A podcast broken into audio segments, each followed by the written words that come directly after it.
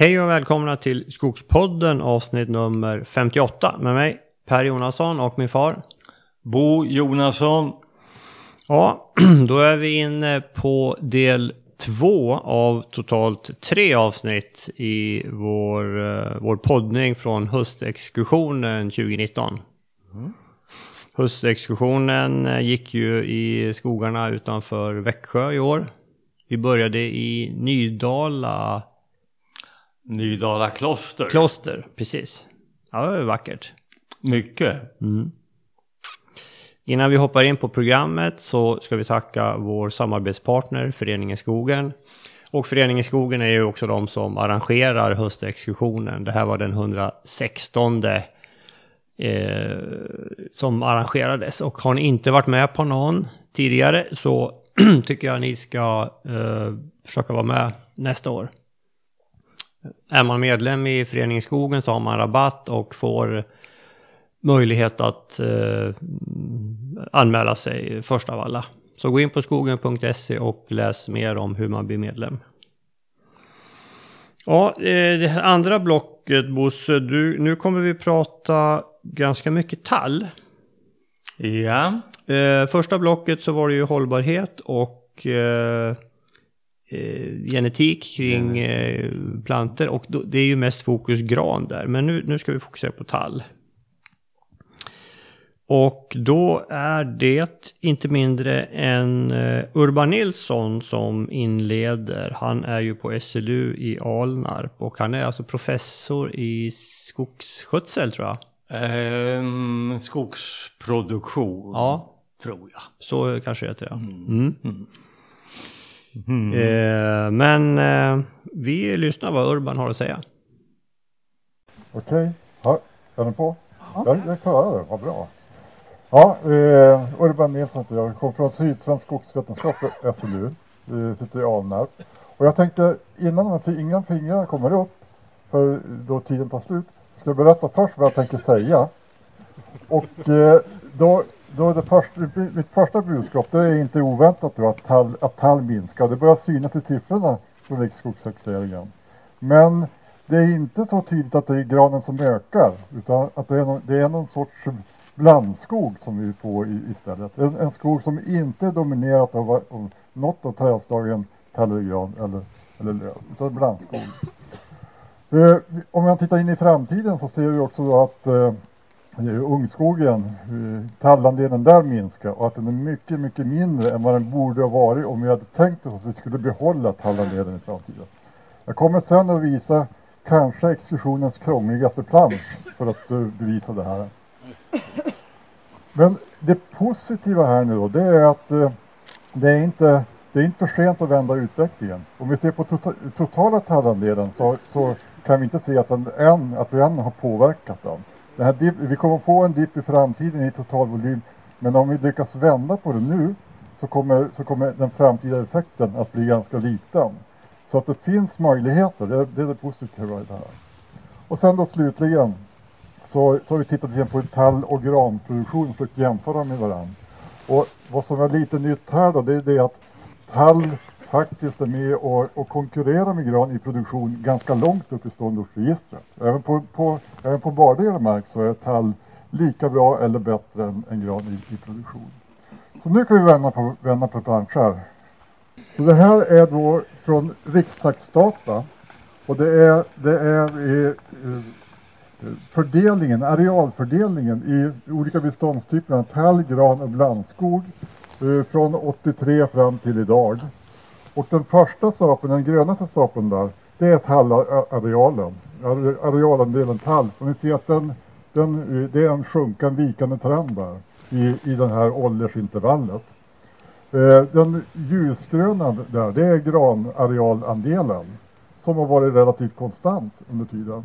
Och det som, det som ökar under tiden det är det vi kallar för blandskog här då. Och, och med blandskog menar vi då att det det är areal, ytor som inte domineras av tall och gran tillsammans eller av lövskog tillsammans.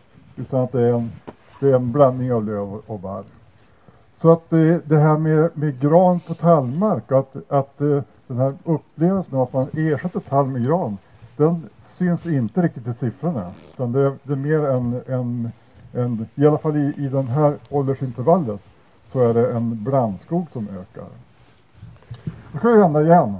Urban, sa du, är det Götalandssiffror? Det är, här är Götalandssiffror. Sa jag inte det så är, så är det absolut Götalandssiffror. Ja.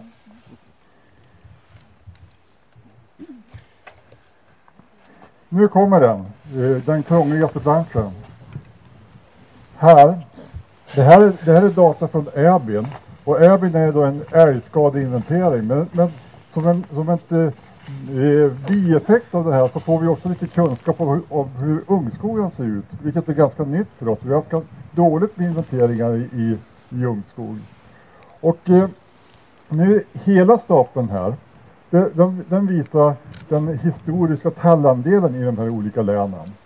Så att vad, vad, har, det varit, vad har det varit tidigare? Och det, det vill, vi, vill vi att eh, skogen i framtiden ska ha lika mycket tall som den har haft tidigare, då ska vi fylla den stapeln med, fär, med färg. Därför att den, den gulaktiga, orangea där, det är eh, arealandelen tallplanteringar i respektive län. Hur, hur, hur, stor, av, hur stor andel av den här ytan som man, som har planterat, eller föryngras med tall, är naturlig föryngring också. Och sen den blåa, det är hur den arealandelen eh, när man har fått upp eh, mer än tusen tallar på ytan som kan komma att bilda framtida träd. Vi är inte färdiga här för det här, det här är då mellan en och fyra meter. Det är fortfarande älgskador som kommer att pågå. Men i alla fall så, så är det en liten chans. Så om vi då tittar på, om vi bara räknar med oskadade tallar, då är den blåa delen, där, den där längst ner som knappt syns på planschen, då är vi långt, långt, långt ifrån att, att eh, eh, komma upp i den arealandel som, som vi har haft tidigare. Eh, men vi tror ju inte, vi, vi kommer ju få med en del av de skadade träden också. Vi vet inte hur många av dem. Så då har vi bara chansat sagt att hälften av de skadade träden kan vara med och, och bilda framtida skog. Och då är vi på den här uh, grafen till höger. Där, där eh, mindre, vi är på uh, ja, 40 procent av den tidigare arealen kan komma att bilda eh, tallskog i framtiden. Så ni får titta på appen sen och, och, och grunda på den figuren. Men, men slutsatsen blir att om vi inte gör någonting åt det här nu så kommer, så kommer tallandelen att fortsätta att minska. Det här är en blick in i framtiden. Vad, vad kommer framtidens ungskog att se ut? Och eh, eh, det, allt indikerar på att det kommer att fortsätta sjunka. Och det kommer kanske att sjunka mer, mer fortare än, än vad det har gjort tidigare.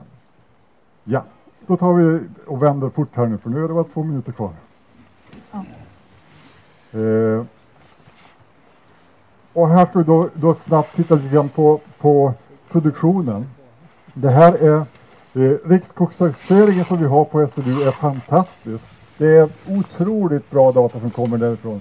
Men taxdata är inte jättebra på att jämföra trädslag för att de, är, de ligger på olika provytor på olika ställen och vi har svårt att, att eh, karaktärisera marken.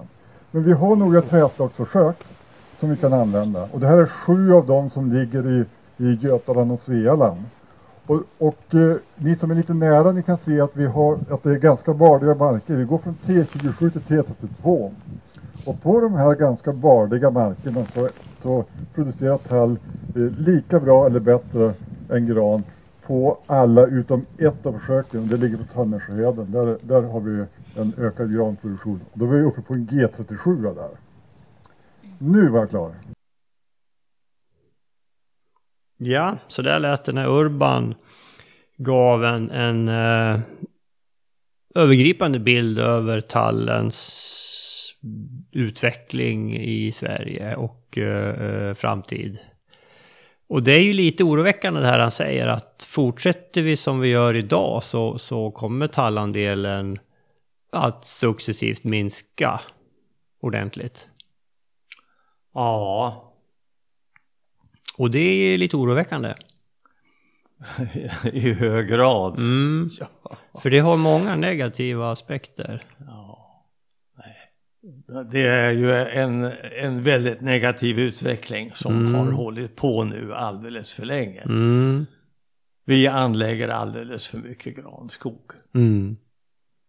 Det gör vi. Mm. Och eh, jag menar, ja, nej, jag tycker den här exkursionen var ett väldigt bra exempel på vad, vad man ser farorna med det. För vi, vi kommer snart in på granbarkborren. Ja visst. Ja. Eh, men vi låt oss inte fastna här utan vi går vidare i programmet och nästa punkt då är det eh, Karl-Anders Högberg som kommer från Skogforsk i Ekebo. Han ska prata om tillväxtstörningar på tallen. Han kommer här. Jag kanske ska tala om då att jag heter alltså Karl-Anders Högberg och jobbar på Skogforsk Ekebo och eh, är tallförädlare. Så det är väl lite anledning till att jag står här just nu också. Eh, har ni hört talas om ett begrepp som heter apikal dominans? Ja, det nickas på sina håll. Lite vetenskapligt begrepp som kan lite, vara lite knepigt. Jag brukar säga inget tydligt toppskott som en mera enklare förklaring till, till vad det är som händer. Och det här är någonting då som har uppmärksammats i föryngringarna. Framförallt då har rapporter kommit från östra Götaland, Kalmar län kan man säga. Och det blev så pass mycket rapporter att eh, det måste göras någonting. Så därför har Sveaskog och Södra gick in och tillsammans sponsrade inventeringar av hur det ser ut där ute för att få en grepp om omfattningen på problemen. Vi kan då se de tre egenskaper som vi har identifierat, eller jag kanske har gjort den inte, så har jag gjort fel här så får ni skylla på mig. Men det är egentligen dubbel och flertopp som man är rädd för längst till vänster där som ni ser. Va? Vad är risken med det då? Ja, dels så kan ju etablering bli svår eftersom inte de, de kommer upp så bra som de skulle. Men det man framförallt är rädd för att man ska få virkesfel. Sprötkvist, dubbelstam som sen för, förstås eh, sänker virkesvärdet. En annan sak som jag sett är att det ibland blir väldigt många knoppar här i terminalskottet. Och ibland, nu är det väl en rätt extremt fall där, men, men att tallen skjuter skott på sommaren och får några extra. Och då är det inte ovanligt att det blir två, tre stycken. Och då har man ju fått en liten eh, dubbeltopp eller buskighet där va. Nåja, vi gjorde det inventeringar och det rör sig om 30 objekt i östra Götaland företrädesvis. Och eh, dubbel flertoppskriteriet var lite, vi försökte hålla det väldigt strikt men jag tror ändå att det har skevat lite där så att olika förrättningsmän har bedömt det lite olika. Men om jag säger att ungefär 10 procent av tallplantorna i 2, 3, 4 års ålder eh, har skador, av, har dubbel och flertopp. Lite högre frekvenser för många knoppar och prolepsis och då, de här andra två egenskaperna ser jag då som riskfaktorer för att det ska bli dubbel flertopp och eventuellt problem i framtiden. Så så ser det ut. Nu är det en väldig variation mellan objekt. Det finns de som har 40 procent dubbeltopp. Och det finns också de där det inte finns något alls. Vi hade sådder med i den här undersökningen. Det ligger lite lägre generellt i de här egenskaperna. Och naturlig föryngring hade vi också med några ytor och de ligger ännu lite lägre i frekvenser. Nu måste jag titta på lappen för nu har jag nog glömt något viktigt. Tror jag. Ja, just det. Vi, vi hade i alla fall lite, alltså inventeringen var ju tänkt att beskriva omfattningen. Men vi hade också en, en liten vinkling som jag skulle kunna reda ut om vi kan komma på någon ledtråd till varför det ser ut som det gör. Kustnärhet tittar vi på. Ingen effekt av kustnärhet. Det var lika stor chans att bli på dubbeltopp inne i landet som, som ute vid kusten. Markfuktighet spelar heller ingen roll. Torra platser var lika drabbade som fuktiga, eller eh, friska. Var det väl i frågan om i det fallet ja. Så då tänkte jag att vi tar och tar en ny plansch där.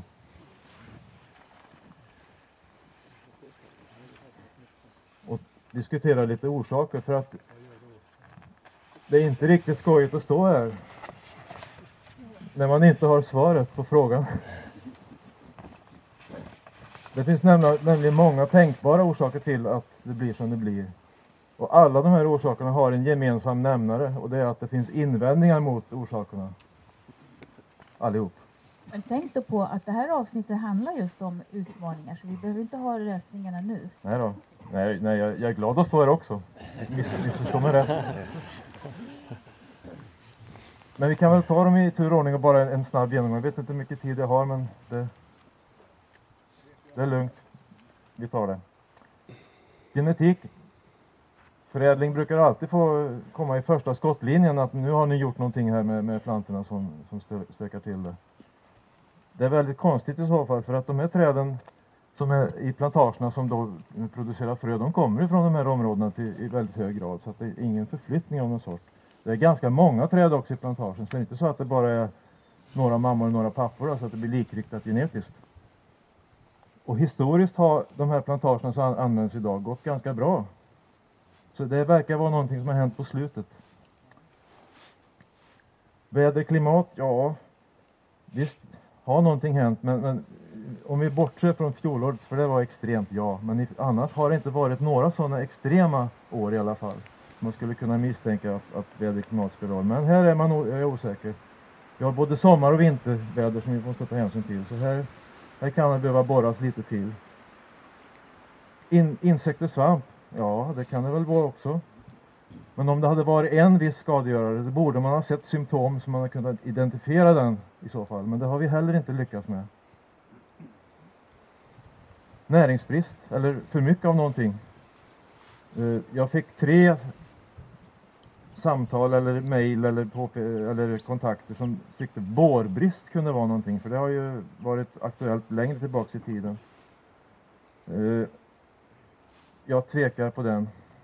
Jag, faktiskt, jag, jag, jag kommer till det senare men, men jag, jag tror inte att vårbrist är lösningen. Och det kanske kännas skönt kanske att ta bort någon, någon sån här liten orsak. Kris, det börjar bli kris. Plantodlingen, ja. Och plantodling, ja. Har, har någonting hänt på plantodlingssidan? Ja, det har väl gjort det. Det kanske är allt mindre kemisk behandling och allt mer beläggningsskydd och mekaniska skydd. Å andra sidan är väl de testade i fält, så varför skulle inte de funka? Det hade man borde ha sett redan då. Och viltet, ja, viltet finns med i bilden. Och de är där och nafsar, men det är inte bara viltet som håller på där ute. Det är någonting annat också. Och eh, får jag då säga att vi, vi har fortsatt det här arbetet då med inventeringen är en sak, men vi gör just nu experiment där vi försöker testa några av de här orsakerna. Och vi tittar också på eh, planteringar som är gjorda i år och även några år tillbaka och följer dem under, under skottutvecklingen var 14 dag så vi får se om det blir problem, när kommer de och vad kan det då i så fall bero på? Kan vi till och med hitta någon skadegörare i det här fallet? Ska jag ge mig det? Jag ger mig det. Här, det är helt klart att här finns mycket kvar att utreda, eller hur? Ja, det det där har man ju läst om i tidningarna en hel del, de här tillväxtstörningarna. Och vi eh, fick ju se, eh, Karl-Anders visade exempel på hur det såg ut och sådär. Det där har man, man alltså inte riktigt, man har inte kommit fram till vad det, vad det beror på. Eh, det här har ju uppmärksammats nu i allra senaste tid. Och, och det, det är ju kort det att eh, toppknoppen uppför sig inte som den ska. Nej. Det är ju den som ska leda höjtillväxten. Mm. Men här blir det ju som en kvastformad topp på Mm. tallarna, bland annat. Ja. Och man har inte hittat någon förklaring till det här. Har du sett det här någonting i våra skogar? Nej, Nej, inte, inte heller i Vassemåla. nej, Nej. Det, det, det har jag inte gjort. Nu har jag inte varit där så mycket. Men jag kan ju säga att på Gusselborg kan jag inte tänka mig att det är någon omfattning av Nej. betydelse. Nej. För det skulle jag ha sett. Nej, jag har inte heller sett det. Men eh, nej, oroväckande när sånt här dyker upp. Man inte vet vad det är. Ja. Ja, okej, låt oss gå vidare. Vid, eh, nu kommer ett väldigt intressant avsnitt och det är eh, Annika Felton som är mm, forskare på SLU. Hon är kollega med Urban Nilsson och hon har ju tittat på vad älgen äter. och hur, eh, hur det påverkar eh, slaktvikterna. Ja, och kalvvikterna.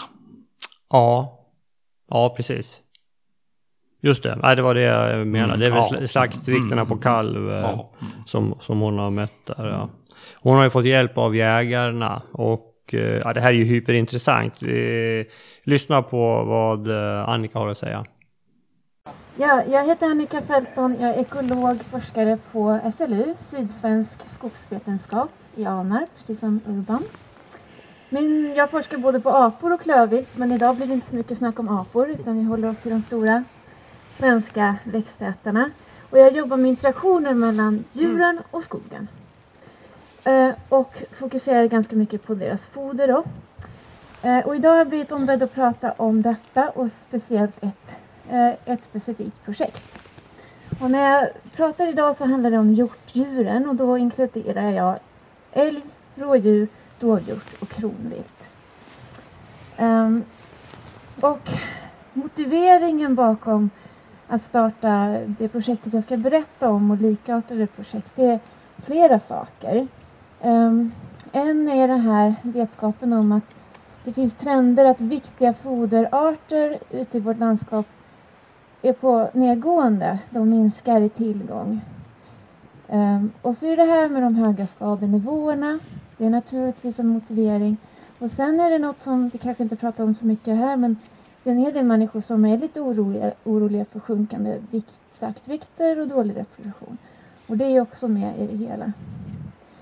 Ehm, och när det gäller skador så visar många forskningsprojekt oberoende av varandra att det är två saker som ofta förklarar variationen mellan områden och bestånd i skador av hjortdjuren.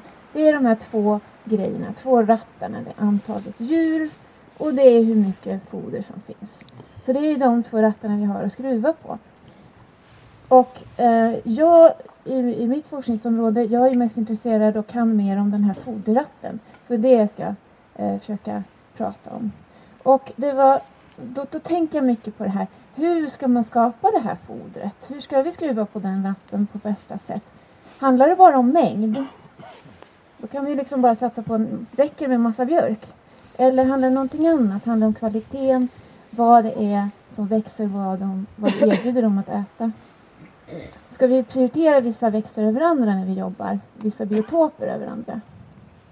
Så det här kan man inte lösa med ett projekt men eh, som ett litet steg i den här vägen då så startade jag en insamling i samarbete med väldigt många jägare för några vintrar sedan. um, I um, sju älgförvaltningsområden i Götaland och södra Svealand. Och uh, syftet med det projektet var att förstå kopplingen mellan älgarnas dieter, hur de mår och landskapets tillgångar. De bitarna. Ehm, så jag jobbade då i de här områdena och jättemånga jägare ställde upp och samlade prover åt mig eh, på de här skjutna älgarna under vintern. Och en del av er som är här idag har faktiskt sett till personligen så ett speciellt tack till er. Jag fick in prover från mer än 500 älgar, vilket var dubbelt så mycket än vad jag hade vågat hoppas på. Jag fick be om mer pengar. Och pengar kom från Södra och från Naturvårdsverket. Och med mig i det här projektet har jag eh, Emma Holmström som är här också. Min kollega, forskarkollega. Så vi samlade massor med olika typer av prover. Jägarna gjorde ett fantastiskt jobb. Jag ska hinner inte prata om allt detta utan jag ska koncentrera mig på vad vi hittade i deras bommar. För eh, de här lyckliga jägarna fick gräva i Vominahålet och fylla en liter eh, och gav det till mig. Och det är jätteroligt att gräva i upptinade vomprover och titta på vad är det som är där i. Och det har vi gjort under lupp. Titta på växtfragmenten, lägga upp dem i små olika burkar, torka det och då kan vi sedan räkna ut hur många procent av torrmassan metall och björk och sälj och så vidare. Och det ska vi se nu, eh, genomsnittet för det här från Götaland och södra Svealand. Vad äter de sydsvenska älgarna på vintern? I alla fall den vintern. Så det här är ett tårtdiagram som berättar vad vi hittade att de har ätit. Man kan ha flera intryck. En är att det är ganska många ord. Vi hittade faktiskt ganska många växtkategorier, 44 stycken, trots att det här var från slutet av oktober till februari. Mångfalden ska visa sig vara riktigt viktig. Man ser också att tallen har den största tårtbiten och det var ju vad vi förväntade oss. Många studier har visat att tallen är deras stapelföda. I det här fallet var det 30 procent av torrmassan i genomsnitt. Man kan också säga det att 99 procent av alla älgar vi provtog hade ätit tall dagen innan de sköts. Um, rase är väl ett koncept ni har hört mycket om. Runn, asp, sälj och ek. Uh, annan forskning har visat väldigt tydligt att det är de som är högt prefererade. Så djuren väljer gärna att äta från de trädarten om den finns tillgänglig. Um, så de rankas högt på det viset. Och det kan ni se här också när vi går vidare sen. Utanför hängnet, innanför hängnet, jättestor skillnad när det gäller rönn och asp och sälj och ek. Um, av de här fyra så har vi stora tårtbitar av salix, sälj och ek. Det ser ni där. Um, aspen är också med på ett hörn. Runn pyttelite. Det beror nog på att de inte lyckades hitta så många runnar den, sommar, äh, den vintern. Men de är jätteviktiga. En annan sak som jag blir förvånad över Eh, är hur stor andel lingon, ljung och blåbär har. Ni ser de eh, tårtbitarna där. Tillsammans 26 procent. Nästan lika mycket som tallen. Nu var den här eh, vintern ganska snöfattig eh, så det varierar nog mellan åren. Men helt nya pro, eh, resultat från projektet Beyond Moose, eller inte bara älg, mina kollegor i Umeå, som jag också är med på, visar att risarterna representerar mellan 30 och 50 procent av dieten hos alla fyra hjortarterna. Och där har vi provtagit både i norr och söder, där de finns. Så det här är alltså en jätteviktig resurs.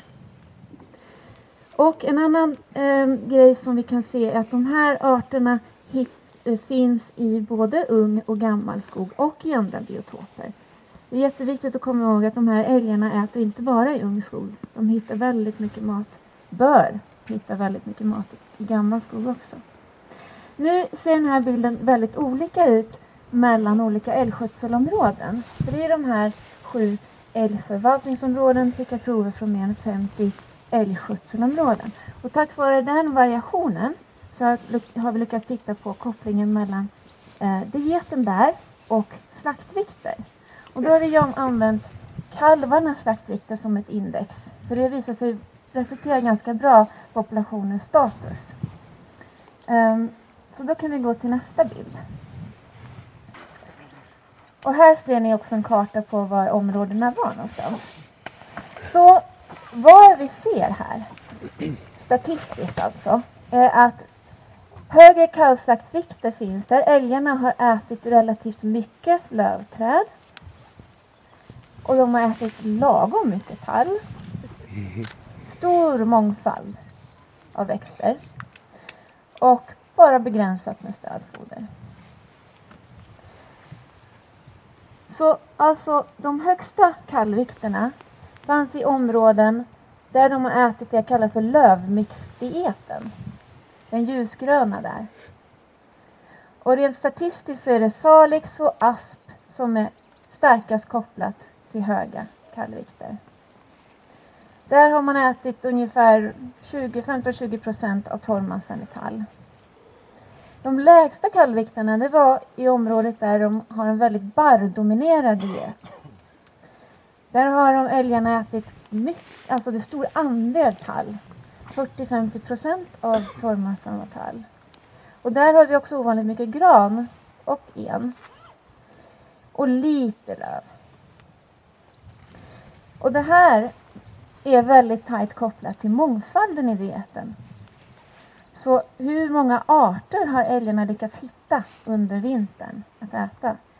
Där det är den här lövmixdieten, där har de hittat drygt 30-32 arter. Och i barrdieten-området ungefär 20. Så stor skillnad i växtlighetens mångfald. Och det här tror jag är väldigt viktigt.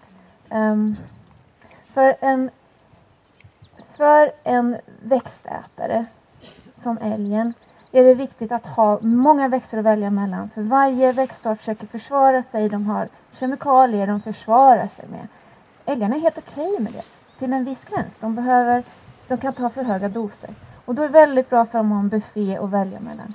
Det andra är att vi har visat att älgarna har de många väl, eh, växter att välja mellan, då är det lättare för dem att hitta sitt näringsmål. Just den där balansen mellan proteiner och kolhydrater och fibrer som de sträv, eftersträvar att få i sig. Så det blir mer, mer optimalt för dem att ha många. Och där de har den här barrdominerade dieten, det var inte bara ganska torftigt på arter, utan där har vi visat i en landskapsanalys att det var också få hektar ungskog. Och stor konkurrens. Där har våra provtagna älgar konkurrens med andra älgar men också andra hjortdjur. Högt vildtryck. Och det betyder förmodligen små portioner. Alltså lite mängd mat. Så ni ser, det är både mängd och det är kvalitet. Den tredje dieten lite snabbt. Eh, en udda skånsk jordbruksdiet. Eller på, på engelska, the shrub and sugar diet kallar jag den. Eh, väldigt annorlunda. Där hittar vi lite högre andelar rotfrukter, sockerbetor och morötter och sådana saker. Eh, lite löv, ganska mycket ris dock. Det är inte så mycket snö där. Väldigt konstig näringssammansättning i vommarna för det har jag också tittat på. Så det här är ju säkert inte en ideal diet för älgen som har utvecklats under tusentals år att äta vedartad, ganska mager diet på vintern. Under hösten så ställer de om sin vomflora lugnt och försiktigt. Så när vintern kommer då är de anpassade att äta en, en vedartad kvistdominerad diet. Det är inte bara det att de klarar av det, de behöver det. Så en diet på kvist och ved och lite ris och lite, eller mycket ris och lite gräs och lite kvarvarande örter, det är en bra diet för dem. Och en bra älgbiotop då med mycket löv och mycket mångfald. Det är ju något som även de områden i studien med relativt höga kallvikter kan sträva ännu mer emot. De är ju inte så himla nöjda med sina kallvikter där. Allting är ju relativt här. Um, och en sån miljö är också bra för annan mångfald. Fåglar och insekter och allt möjligt. Så, hur ska vi relatera de här resultaten till eh, nuvarande skogstillstånd i landskapet från en, från en fodersynvinkel? Och då skulle jag vilja måla upp eller berätta om fyra trender som vi ser i statistiken. Skogarna har ju blivit mörkare. Eh, volymen gran har fyrdubblats från 20 till 80 kubik kubikmeter per hektar skogsmark i Götaland sedan 1930-talet. Eh, och största ökningen var till 80-talet men det, vi har ju de här mörkare skogarna nu. Så är det mycket gran så blir det lite grus. Som ni ser bakom er här. Um, täcket av risarterna minskar. Riksskogstaxeringen följer det här väldigt bra. Och vi ser på deras data att nationellt så går täckningen ner av lingon, ljung och blåbär stadigt neråt. Och har gjort det ganska länge. Och där är den största orsaken ljustillgången. Raser saknas på många håll. Rönnasp, sälj och ek. Ehm, um, Öbyn har koll på detta.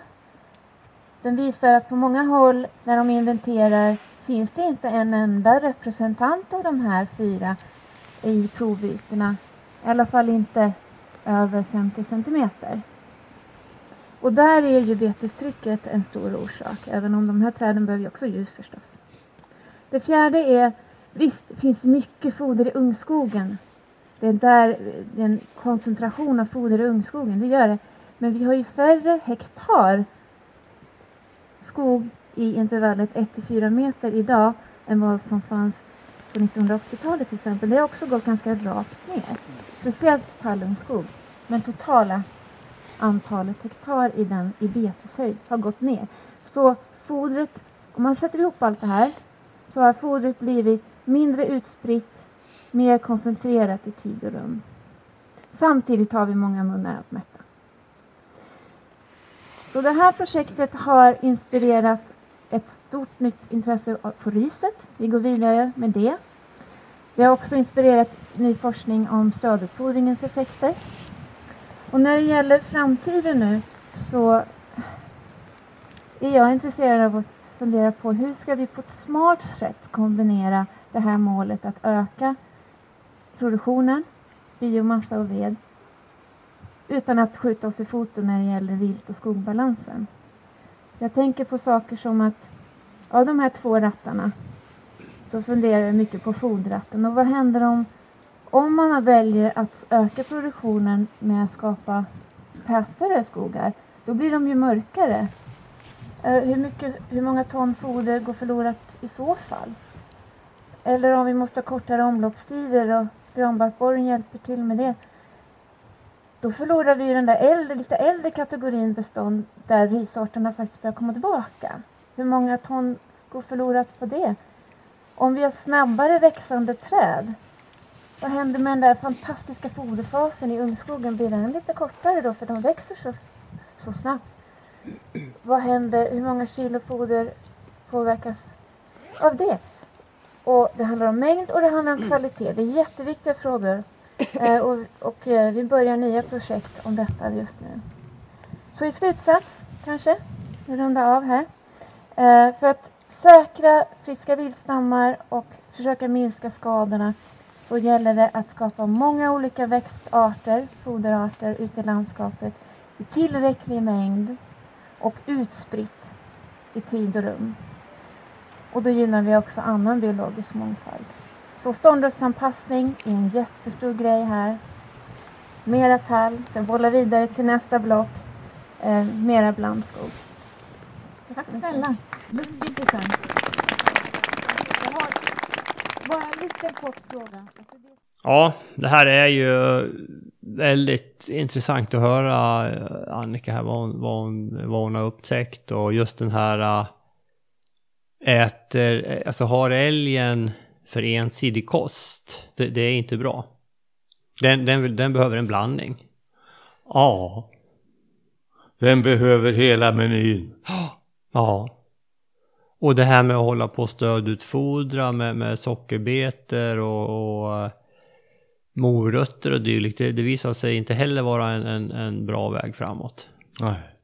Utan den behöver en, en eh, mycket löv och mycket, mycket sånt och ris och dylikt. Och som vi förstår så, ja, riset eh, påverkas ju negativt om det är för mycket gran också. För då blir det för mörkt på marken. Ja, det här är ju hyperintressant tycker jag. Det är ju... Annika har ju gjort det här jäkligt bra alltså. Ja, forskningen på det här området har ju tagit ett stort steg framåt. Mm. Verkligen, verkligen. Ja, eh, okej, okay. vi konstaterar då att vi har en, en, en brist på tall. Det är ett problem och vad gör vi åt det då? Jo, det pågår ju ett antal projekt. Eh, för det här, eh, det pågår, eh, Skogsstyrelsen har ju ett ganska stort projekt som heter eh, Mera tall. Dels drivs det på nationell nivå, och sen drivs det ju också på regional nivå. Här i Örebro län och Sörmland så är det ju Rickard Sandström som är projektledare för det här projektet eh, Meratall.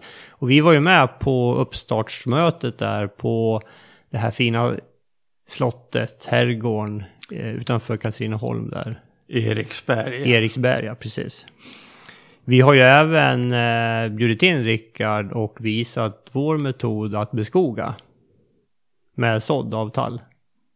Att kombinera plantering av gran med sådd av tall. Ja, som vi tror, som vi tror stenhårt på, som funkar väldigt bra. Vi vet att, att det funkar. Vi, till För vi har hållit på med det i 20 år. Ja, ja men precis. Och just, ja, men vi, innan vi går vidare, vi, kan, vi lyssnar på, Södra har ett projekt också. Och det heter alltså Kraftsamling Tall. Och det är Thomas Andersson som är projektledare som leder det. Han och ett par till jobbar heltid med det här. Och eh, Thomas presenterade det här projektet och eh, det lät så här. Eh, nu hör ni mig ja. Thomas Andersson heter jag då, projektansvarig för eh, det här projektet Kraftsamling Tall som Hasse då så vänligt eh, lyfte fram. Vi har ju krokat arm redan nu kan vi säga och eh, mycket av det vi jobbar med stämmer väl överens. Eh, vi har, nu kan vi byta bild redan nu. Eh, redan för no ja, fyra, fem år sedan så var det här en jätteviktig fråga i södra på de stämmer vi har. Vi hade hälften av motionerna egentligen handla om att vi måste komma till rätta med skadorna i skogen från viltbete. I flera år så kom det signaler där och det har vi hört både igår och idag härifrån de markägare vi besökt att det är inte så lätt att få upp den skog man tänker sig om vi har för mycket skador utav viltet.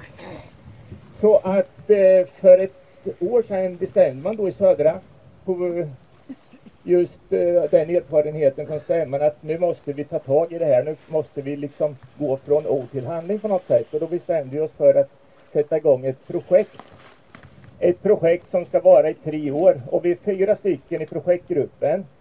Tre av oss jobbar heltid med detta. Men det är inte bara vi då som ska jobba med det utan vi har en organisation med viltombud ute i våra eh, SBO-områden, skogsbruksområden. Vi har vilttjänstemän, alltså sådana som jobbar som tjänstemän ute på viorna. För vi måste ju komma ut så långt, så nära både jägare och markägare vi kan, för det är där ute det ska hända så att säga. Kartan har ju varit röd väldigt länge, ni har hört det här i Äbyn och de flesta känner till det. Eh, och det är ju den bilden vi nu måste förändra. Det är en del utav, jag kommer tillbaka till vilka mål vi ska sätta upp. Men vi har ju pratat mycket balans. Vad menar vi med balans? I våra projekt? Jo, det är lite det som Annika Fältson var inne på. Vi måste komma dit här att vi får en växtlighet utav alla arter. Nu kommer vi mest att försöka förringa Oj, det går fort här. Vi, vi, måste alltså få tillbaka då den skogen som eh, vi vill ha. Och vad vill vi ha? Vi kan se här, vi vill ha höga värdefull avkastning av virke. Vi vill ha viltmående, bra stammar, bra kvalitet på stammarna. Vi vill ha rekreationsvärden och vi vill ha förutsättningar för ståndortspassning och biologisk mångfald. Nu kan vi byta bild lite snabbt här. Det går fort. Fem minuter. Eh, det viktigaste kanske är då, vad är det för något mål vi har satt i det här projektet och vad är det vi kommer att jobba mot? Ja, det är ju den bilden där borta. Annika var inne på det också. Vi har haft många år nu här i början på 2000-talet där vi fick av olika anledningar eh, sätta gran istället för tall. Det lider vi av nu i 40-50 år framåt. Den bilden vill vi se. Och då har vi några mål som är uppsatta nu här under de här tre åren. Det är att vi ska ha minst hälften av våra EFON, den röda bilden ni såg, gröna. Vilket innebär max 5% årsbetesskador. Det är ett mål vi har. En del som är väldigt viktig, som vi har pratat väldigt mycket om här idag, det är ju att all mark ska, som är tallmark ska föryngras med tall. Men även då en del av mellanmarkerna bör vi se till att nå ut med att föryngra med tall. Och där har vi redan sett klara förbättringar i inställningen. Och sen har vi då det här som eh, är viktigt också. Örter i övrigt ska bli flera och inte minst raser och så vidare. Alltså få upp den här busk och risvegetationen som vi hörde förut. Och sen en tydlig indikator på att vi hamnar rätt så småningom det är att vi får upp vikten på kalvarna igen. Får vi upp det här fodret och, och jag brukar säga så här, när vi har balans i vårt, vår värld, då är det när vi har så många vilt så att växtligheten växer ifrån viltet. Alltså att vi får upp det här som vi pratar om, örter, ris, buskar och så vidare.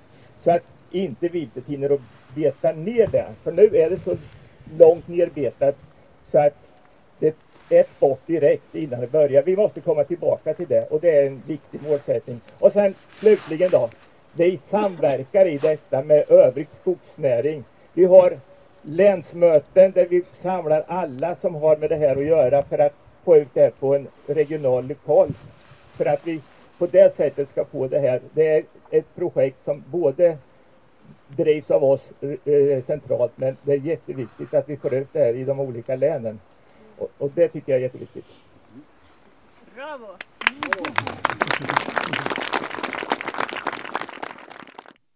Ja, där hörde vi Thomas då. Och eh, eh, som vi var inne på Bosse, vi jobbar ju med sådd. Och det är ju, man pratar ju inte så mycket om det i de här projekten. Verkligen inte. Och det kanske vi kan sakna lite grann. Ja, För alltså plantera tall när det är högt betestryck. Det är väldigt svårt. Du, du, alltså har du 2000-2500 plantor per hektar och du har högt betning.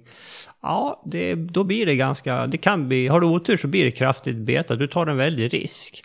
Men om du sår eller kör självföryngring och börjar få upp 8 till 10 000 plantor per hektar, ja men då klarar man en betning. vi har ju faktiskt ett levande bevis för det här. Och det är på Vassemåla. Ja. Där vi 2009 sådde och delvis planterade, men övervägande sådde på en, en eh, ganska normal bonitet. Och det är nu i alla fall i stort sett manshögt. Mm.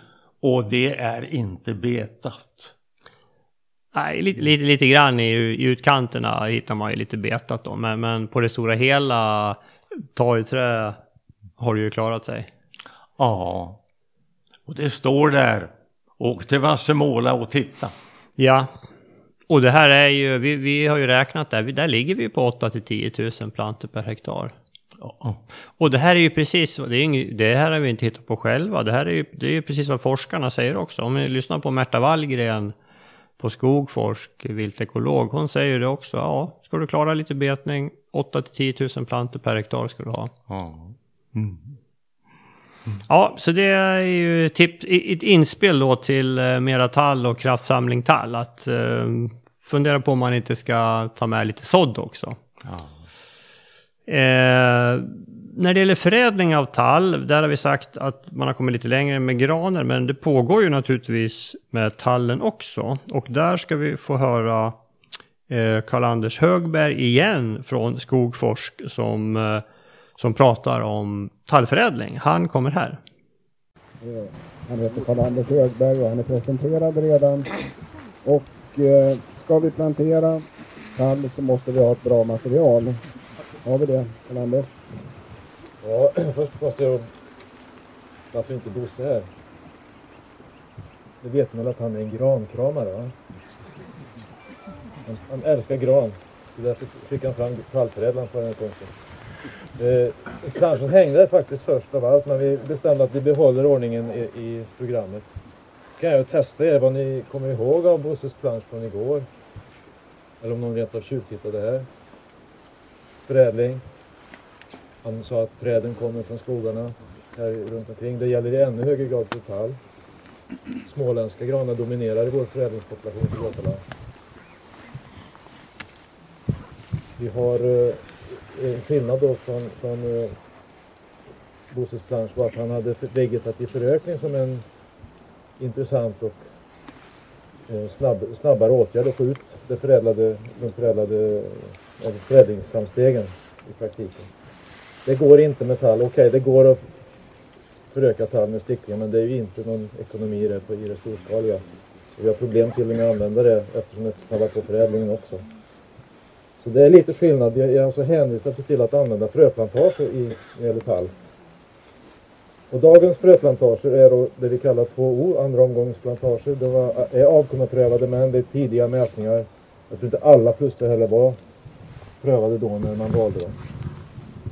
De heter Gottardsberg och Lilla Istad. Jag antar att många av er har stött på de namnen i verksamheten. Och om det var 2010 som det planterades här så borde det ha varit någon av dem som har lämnat frö till de plantorna som står där inne i här. Det är betydligt färre här ute som ni vet. 10-15 procents tillväxtvinst och när det gäller kvalitet så hade vi väl egentligen inte mer målsättning att vi skulle inte försämra den i alla fall. Utan vi, vi höll oss på den nivå som oförädlat material har. Nu kommer snart tredje omgångens plantager. Skördarna är, om inte i år så kommer det att bli, inom kort kommer de ut på marknaden. Och vad handlar det då om? Jo, då har vi testat alla plusträd. Vi har mätt vid ett senare tillfälle, vi har säkrare avelsvärden. Vi räknar med att de här plantagerna kommer att ge, jag har skrivit ungefär 20 procent, jag tror det kan bli mer faktiskt. Det är en skillnad till här. När, inför urvalet till de här plantagerna så gick vi runt med ett antal skogsbruksrepresentanter. En av dem var Göran Elander. Och eh, han pläderade, och några till också, för att grenvinkel skulle särskilt uppmärksammas när vi valde träden till de här plantagerna. Eftersom grenvinkel kan få med sig en hel del negativa saker. Risk för skador och eh, inte så trevliga kvistar i plankorna sen. Så det tog vi fasta på och har valt då med tyngdpunkt på tillväxt men vi har vägt in grenvinkeln mycket hårdare än vi gjort förut. Hur ska vi då kunna rätta till och hjälpa till i den här mera tallsatsningen då? Ja, mera tall i form av mer kubikmeter tycker jag att vi är duktiga på. Men, men sen har vi föryngringsfasen då som är besvärlig. Och vi, vi, har ju någon, vi testar ju alla våra eh, träd som ska bli avelsträd i fält via sina avkommor. På flera lokaler. Om någonting händer, om vi får skador så noterar vi det och finns det genetik i skadorna då använder vi det när vi gör vårt urval naturligtvis. Det finns ett exempel från Norrland där man fick kraftiga törskateangrepp och fick det också i, i våra fältförsök. Vi mätte de angreppen och såg att ja, det var genetik. Det var en, ett, ett antal träd, eh, avelsträd som inte höll måttet alls. Då fick man gå in i plantagen och ta bort dem. Och plocka bort dem ur förädlingsprogrammet också naturligtvis. Men då måste det hända. Eh, och när det gäller viltproblematiken då är vi i ett riktigt dilemma. För att om vi ska testa våra förädlingsmaterial i, i fält så vågar vi ju inte göra det utan att hängna dem. För om vi får det här resultatet så förstår ni själva, då har vi inga, ingenting att mäta, ingenting att räkna på. Å andra sidan, så jag pratade med Ola Andersson här på, vi, vi, på morgonkulan när vi stod i bussen, att någon gång kanske man ändå skulle prova någonstans att släppa det fritt. Även om jag, jag, jag är osäker om, om det verkligen kommer att funka. Det, det är ett litet dilemma. Jag tror inte på att vi kan förädla mot ja, mot ett mål där vi ska förädla tallar som inte älgen äter på. Jag, jag tror det är ingen framkomlig väg. Jag menar, om, om vi är hungriga och, och behöver mat så äter vi även det vi inte gillar så väldigt mycket annars. Och det tror jag älgen är likadan. Så fälttestning, ja. Specifika skadegörare, det kan vi inte göra någonting åt förrän de dyker upp i våra försök. Såvida inte vi hittar testmetoder för det. Men jag, jag, jag har ingenting på, på gång just det nu. En sista liten reklam. Fjärde omgången är möjlig om man vill börja buskar i det. För att nu har barnen till de här bästa plusträden börjat växa och gett resultat från fältet. Så det kommer att vara möjligt att göra fyra oplantager inom kort. Då ligger vi ju upp till 25-30% tillväxtvinst. Men då, vi nog, då måste vi ha fått ordning på det här om vi ska slippa att hänga. Och det hoppas jag verkligen för att det vore en fröjd att se härligt väl växande tallskogar i framtiden. Det ger jag mig.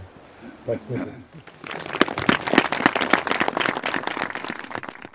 Ja, där hörde vi Karl-Anders och eh, ja, det, det förädlas ju på tallen också. och eh, på den här gården där vi gick Bosse, där var det ju, där hade man ju använt förädlat, eh, förädlade planter eh, på, i de här hängnen. Och det hade ju kommit upp högt.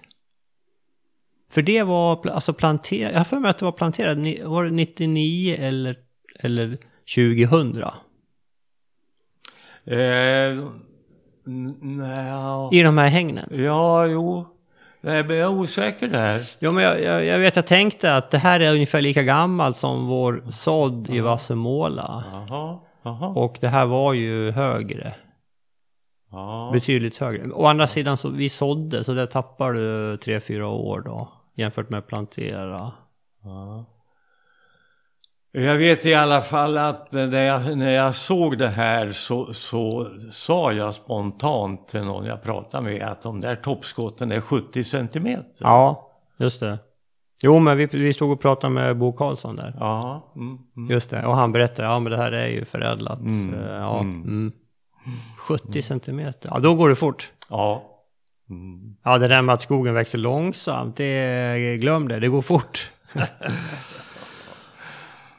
ja, okej. Eh, vi har faktiskt en riktigt eh, kanonintervju här på slutet också som ska avsluta det här blocket. Och det är eh, Annika Felton och Urban Nilsson, eh, kollegor då från SLU i Alnarp, som vi fick en pratstund med.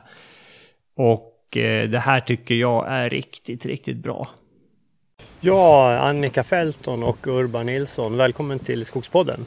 tack. Tack. Vi befinner oss nu på höstexkursionen eh, sista dagen. Vi har precis ätit lunch och eh, ni, ni pratade på förmiddagen här och eh, vi, vi ska prata lite om det. Men vi, vi kan väl börja med att ni presenterar er. Ja, Annika Felton, jag är forskare, ekolog på SLU, Sydsvensk skogsvetenskap i Alnarp. Just det. Mm. Och Urban Nilsson jobbar på samma institution som Annika, Sydsvensk skogsvetenskap. Håller på med skogsproduktionsfrågor mest. Just det. Och, eh, så ni är alltså kollegor på, på SLU då. Och, eh, ni gjorde ju varsina presentationer på förmiddagen som var mycket intressanta. Och vi kan väl börja med dig Urban, för du tittar lite grann, lite övergripande på tallen, tallens utveckling, hur den har sett ut och, och var du ser framåt. Ja, och då, då har vi ju två, två stora datakällor som vi jobbar med. Och det ena är Riksskogstaxeringens data och det andra är då de här älgbetesinventeringarna. älgbetesinventeringar. Och i, i Rikstaxdata så har- vi ju inte sett det tidigare, vi bara ser först nu att tallen minskar. Så nu finns det en tydlig trend i den yngre tallskogen att det blir arealandelen minskar. Ehm, och då, då har vi ju som tidigare trott att eh, den ersätts med, med gran. Men det ser vi inte riktigt i, i taxdata utan det, det som, det, granen är relativt konstant. Medan det som ökar det är en blandskog där, där inget av löv, gran eller tall dominerar utan det är blandning av de här tre. Och i löv är ju då främst björk förstås. Mm.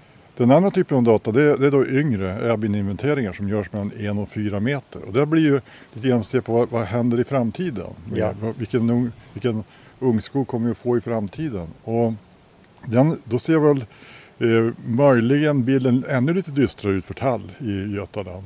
Att eh, vi är långt ifrån där vi borde vara om vi hade velat behålla den tallandel som vi har haft historiskt. Men det som är positivt i det här, eh, det är inte positivt med nedgång, men, men, men om man ser på den totala tallandelen så går det inte riktigt, då kan man inte se att den har minskat. Det är fortfarande så att den här relativt sena minskningen av tall, den är så liten i betydelse i det stora hela så vi, det, det fortfarande så finns det gott om tid att vända trenden. Det kan man säga. Alltså det, vi, har inte, vi har inte gått så långt in i nedgången så att det kommer att bli permanenta his, eh, spår om vi lyckas vända på det här nu. Men om vi inte gör någon förändring ut- utan fortsätter i då, samma hjulspår. då är vi ner på, då är på väg ner mot nära noll. Alltså, men det tar ju jättelång tid. Då pratar vi, ju- då pratar vi hundra år. Men, men, men eh, det, är ju, det är ju en nedåtgående trend hela tiden. Ja. Har du liksom tittat på orsaker till det här?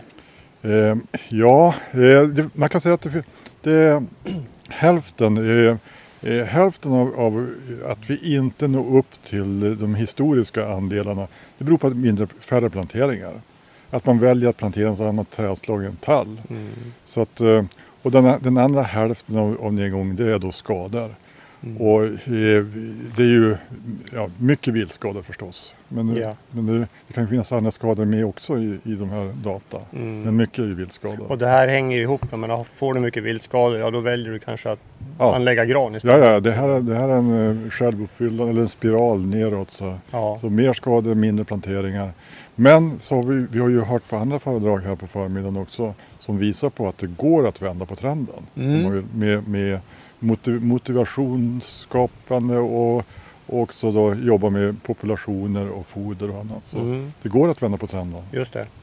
Eh, det här med, du visade också några intressanta siffror på liksom, alltså produktions, eh, vilken produktion man får av gran respektive tall. Ja, och det, det är ju då en, en annan bild. För, traditionellt så har vi ju sagt då att eh, tall kan hävda sig med gran på de allra svagaste markerna.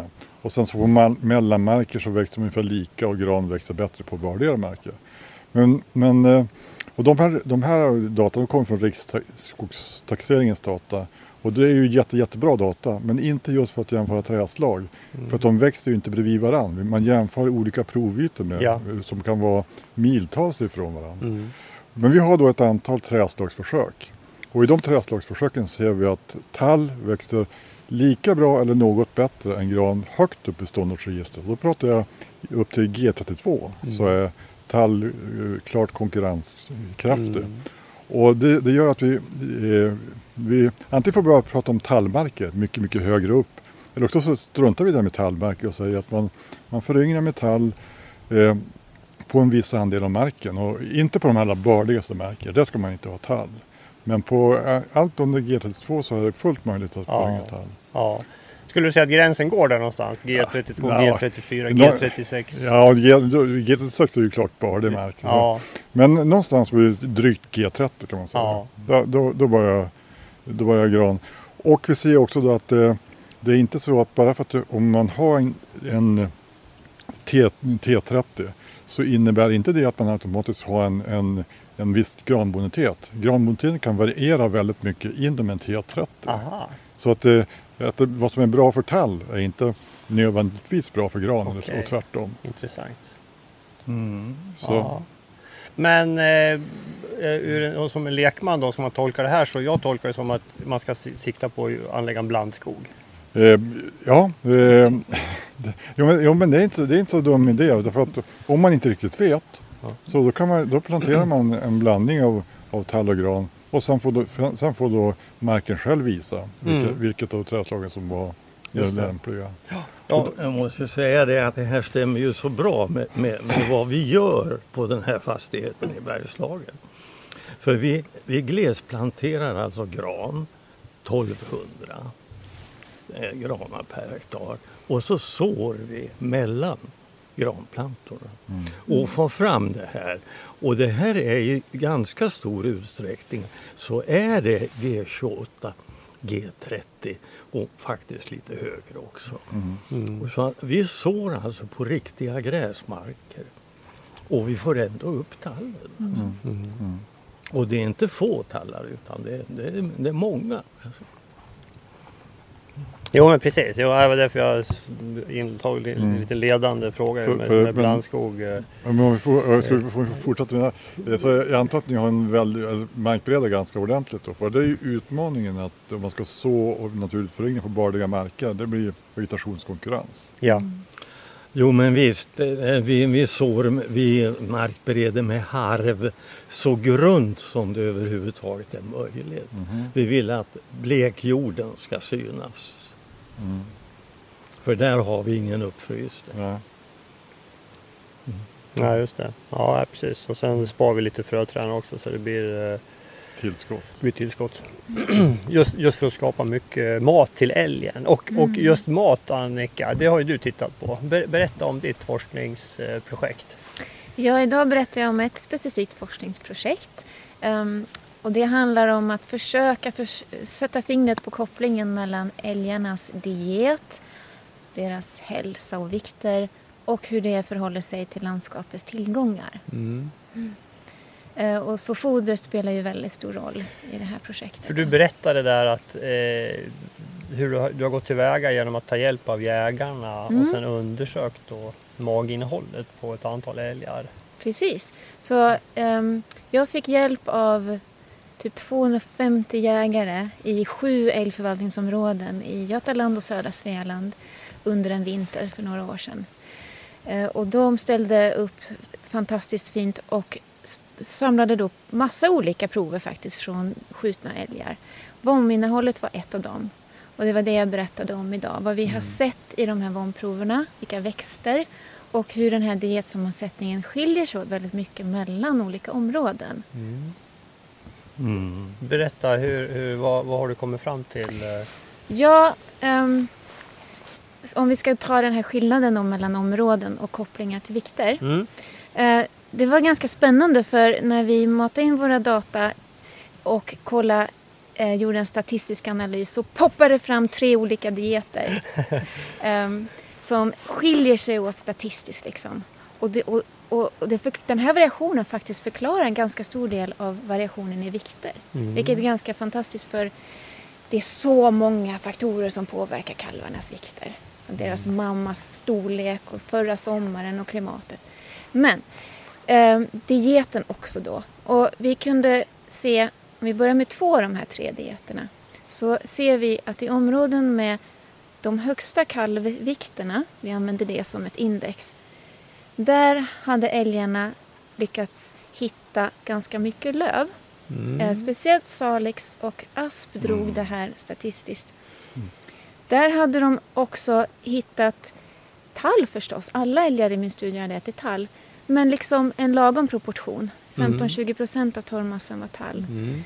Ehm, och medan i andra områden med låga kallvikter, där var dieten väldigt dominerad av barr.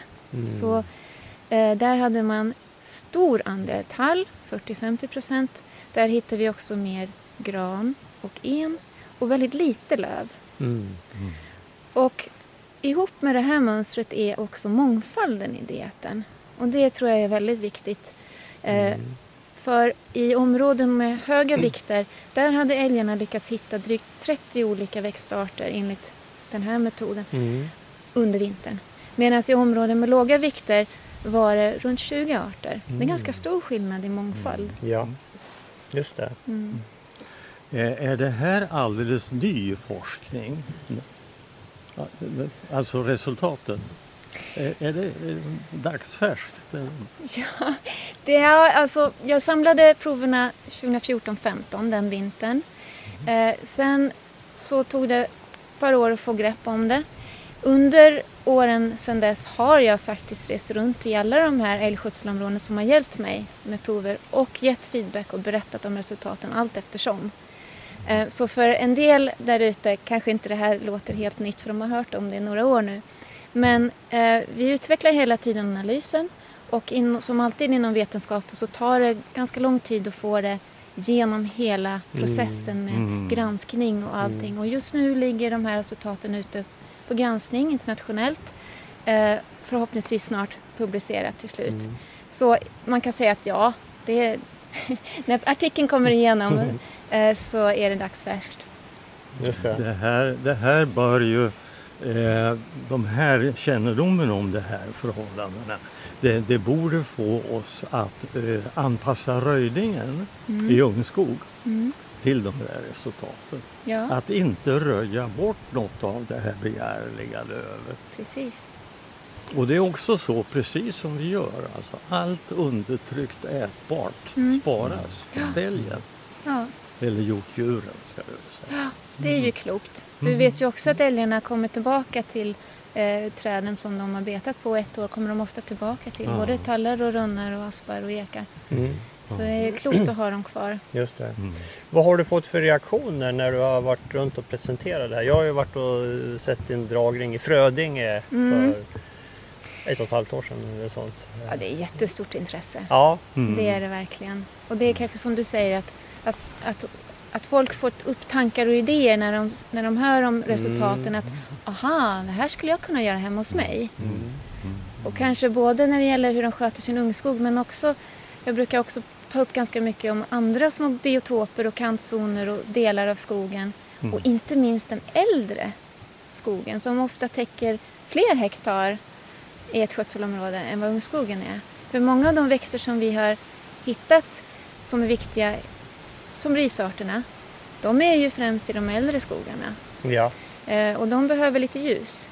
just det. Och de, kommer i, de, de minskar ju nu i Sverige och de, de får vi nog ta och värna om för de klarar inte av de här täta, täta grönskogarna. Nej. Och då, då kanske också sår ett frö hos folk och tänker aha, ja just det, mitt trädslagsval har konsekvenser under lång, lång, lång tid. Mm. Inte bara i ungskogsfasen utan Nej, även precis. sen. Det. precis.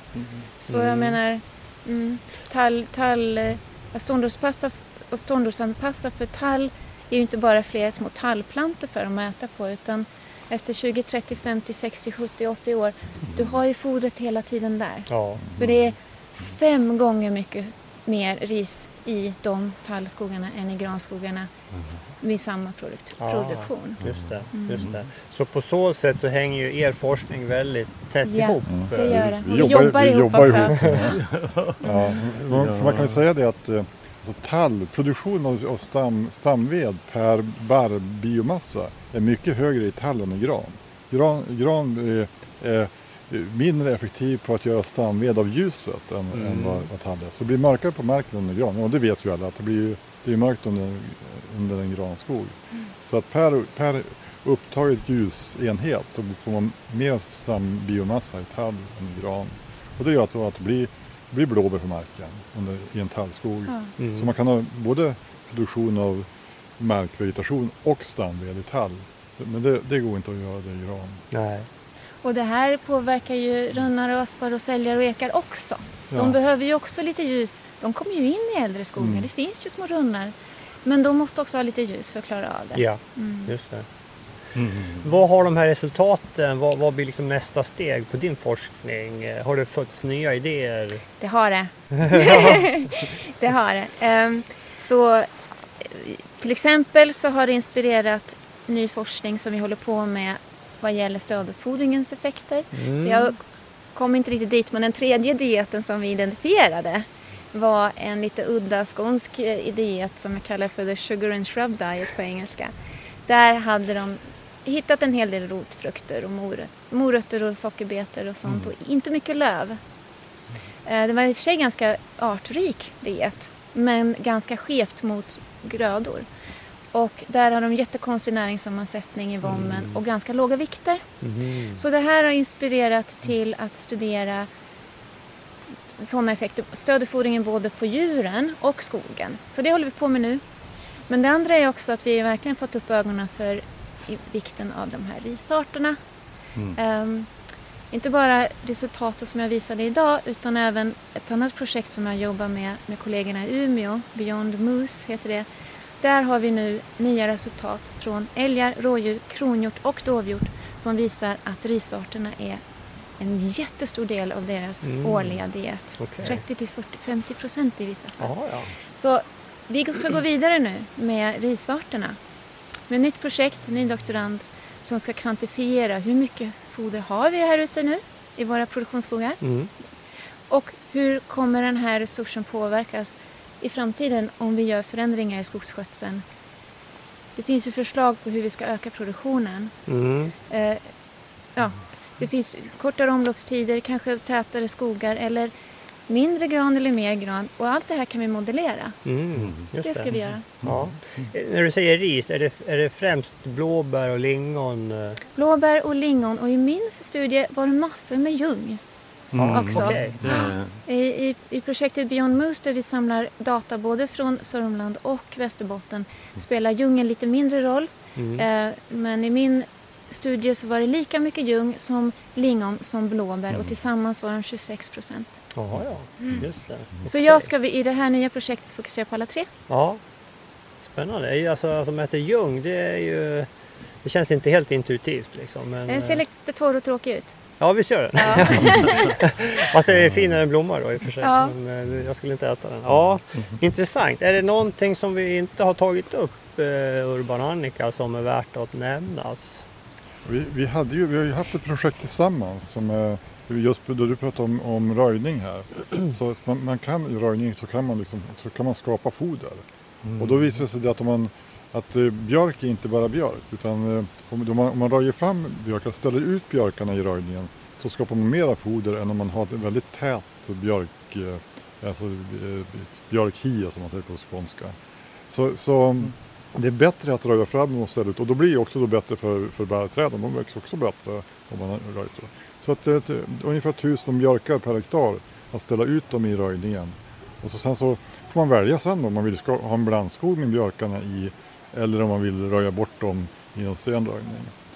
Och vi såg också då att eh, stubbskotten har inte riktigt samma värde som foder som, som fröbjörkarna. Så de, Mhm. de väljer hellre att äta från, från fröbjörkar än, än stubbskottsbjörkar. Okej. Ja, Det är ju en ny insikt också. Ja, Mm. precis, Mm. precis. Du hade också något? Ja, en aspekt som är jätteviktig tycker jag i allt det här är att det finns sådana bra win-win potentialer här. Mm. För okej, vi har visat att älgarna har större vikter om de får mycket löv och hög mångfald. Om man jobbar åt den riktningen så gynnar man ju älgarna och jakten. Förhoppningsvis mindre skador för vi har spridit ut dem i landskapet. Mm. Men också den biologiska mångfalden. Just det. För skapar vi mer löv, inkluderar då rönn och asp och sälj och ek och björk och mer tall, då gynnar vi en hel mängd olika insekter och fåglar och andra däggdjur. Mm. Så jag känner liksom det här borde kunna säljas som en win-win-win potential. Ja, Mm. ja men verkligen. Ja men eh, Annika, jättebra avslutning. Tack så mycket för att vi fick en pratstund med er. Nu börjar de ropa in oss hör vi här. Tack Tack så mycket. Hej. Väldigt in- Ja, där hörde vi Annika och Urban. Och eh, vad säger du Bosse? Är det här den bästa intervju vi gjort?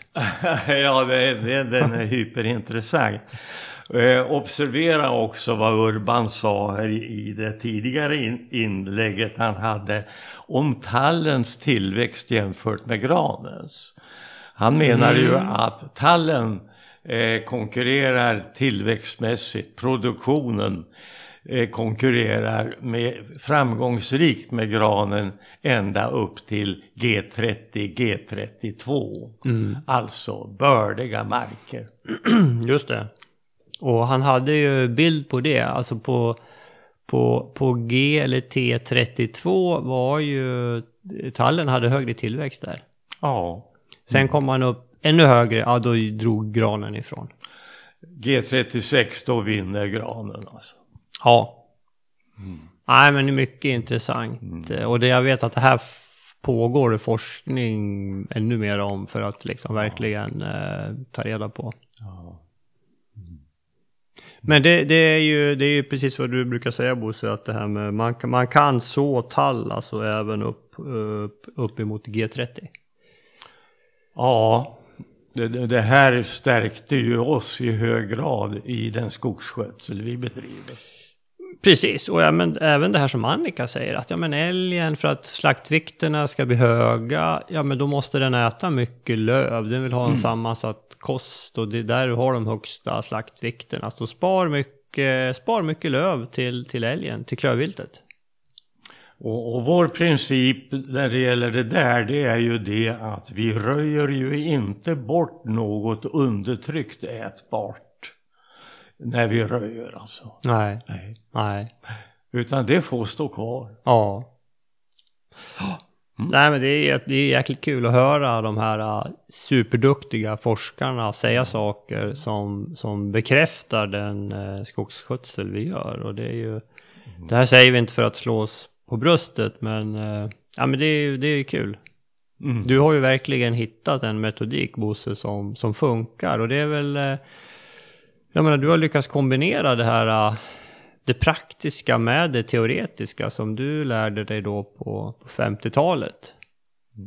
Mm. Nåja, nej men eh, det, det har lyckats väldigt väl. Välkomna att titta. Ja, precis. Vi får ordna någon mer exkursion vad det lider. Jaha, jag tror vi sätter punkt för avsnitt, eller för del två i vår höstexkursion special. Det här är avsnitt 58. Eh, det finns ett avsnitt till som eh, vi tycker ni ska lyssna på också. Men vi avslutar avsnitt 58 här. Tack till vår samarbetspartner Föreningen Skogen. Gå in på skogen.se för att läsa lite mer om vad skogen kan göra för dig. Eh, tack så länge.